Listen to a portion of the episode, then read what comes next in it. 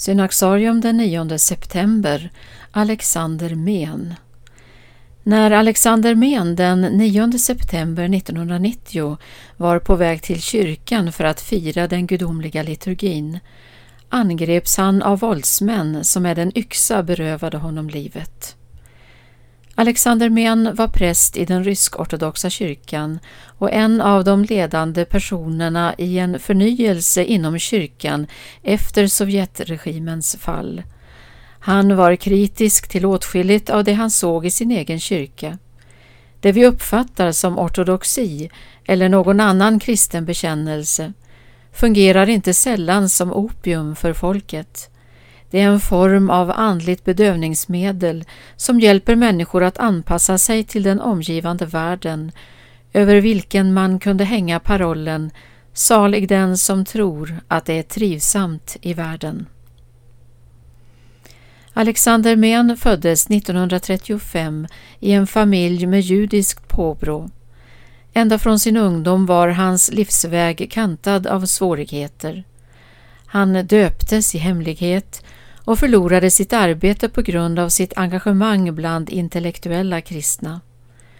År 1960 ordinerades han till präst och förvärvade i stort sett på egen hand en kvalificerad teologisk bildning, speciellt inom bibelforskning och religionshistoria. Överallt dit han kom blev han känd för sitt böneliv och sin kärlek till Guds ord. Alexander Mehn förkunnade ett radikalt och utmanande evangelium. Kristendom, sa han, kan vara autentisk och den kan vara falsk. Den falska versionen är alltid bekvämare.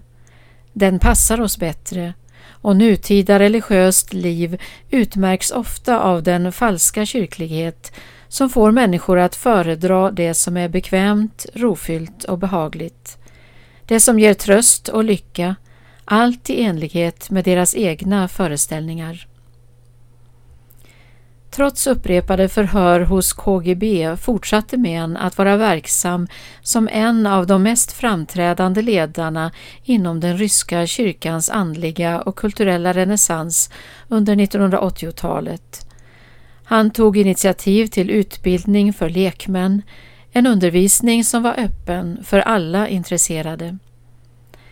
Det kan ha varit dessa initiativ tillsammans med hans judiska bakgrund som ledde till att personer i ledande ställning efter många varningar satte stopp för Alexander Mens outtröttliga kamp för att förkunna evangeliet.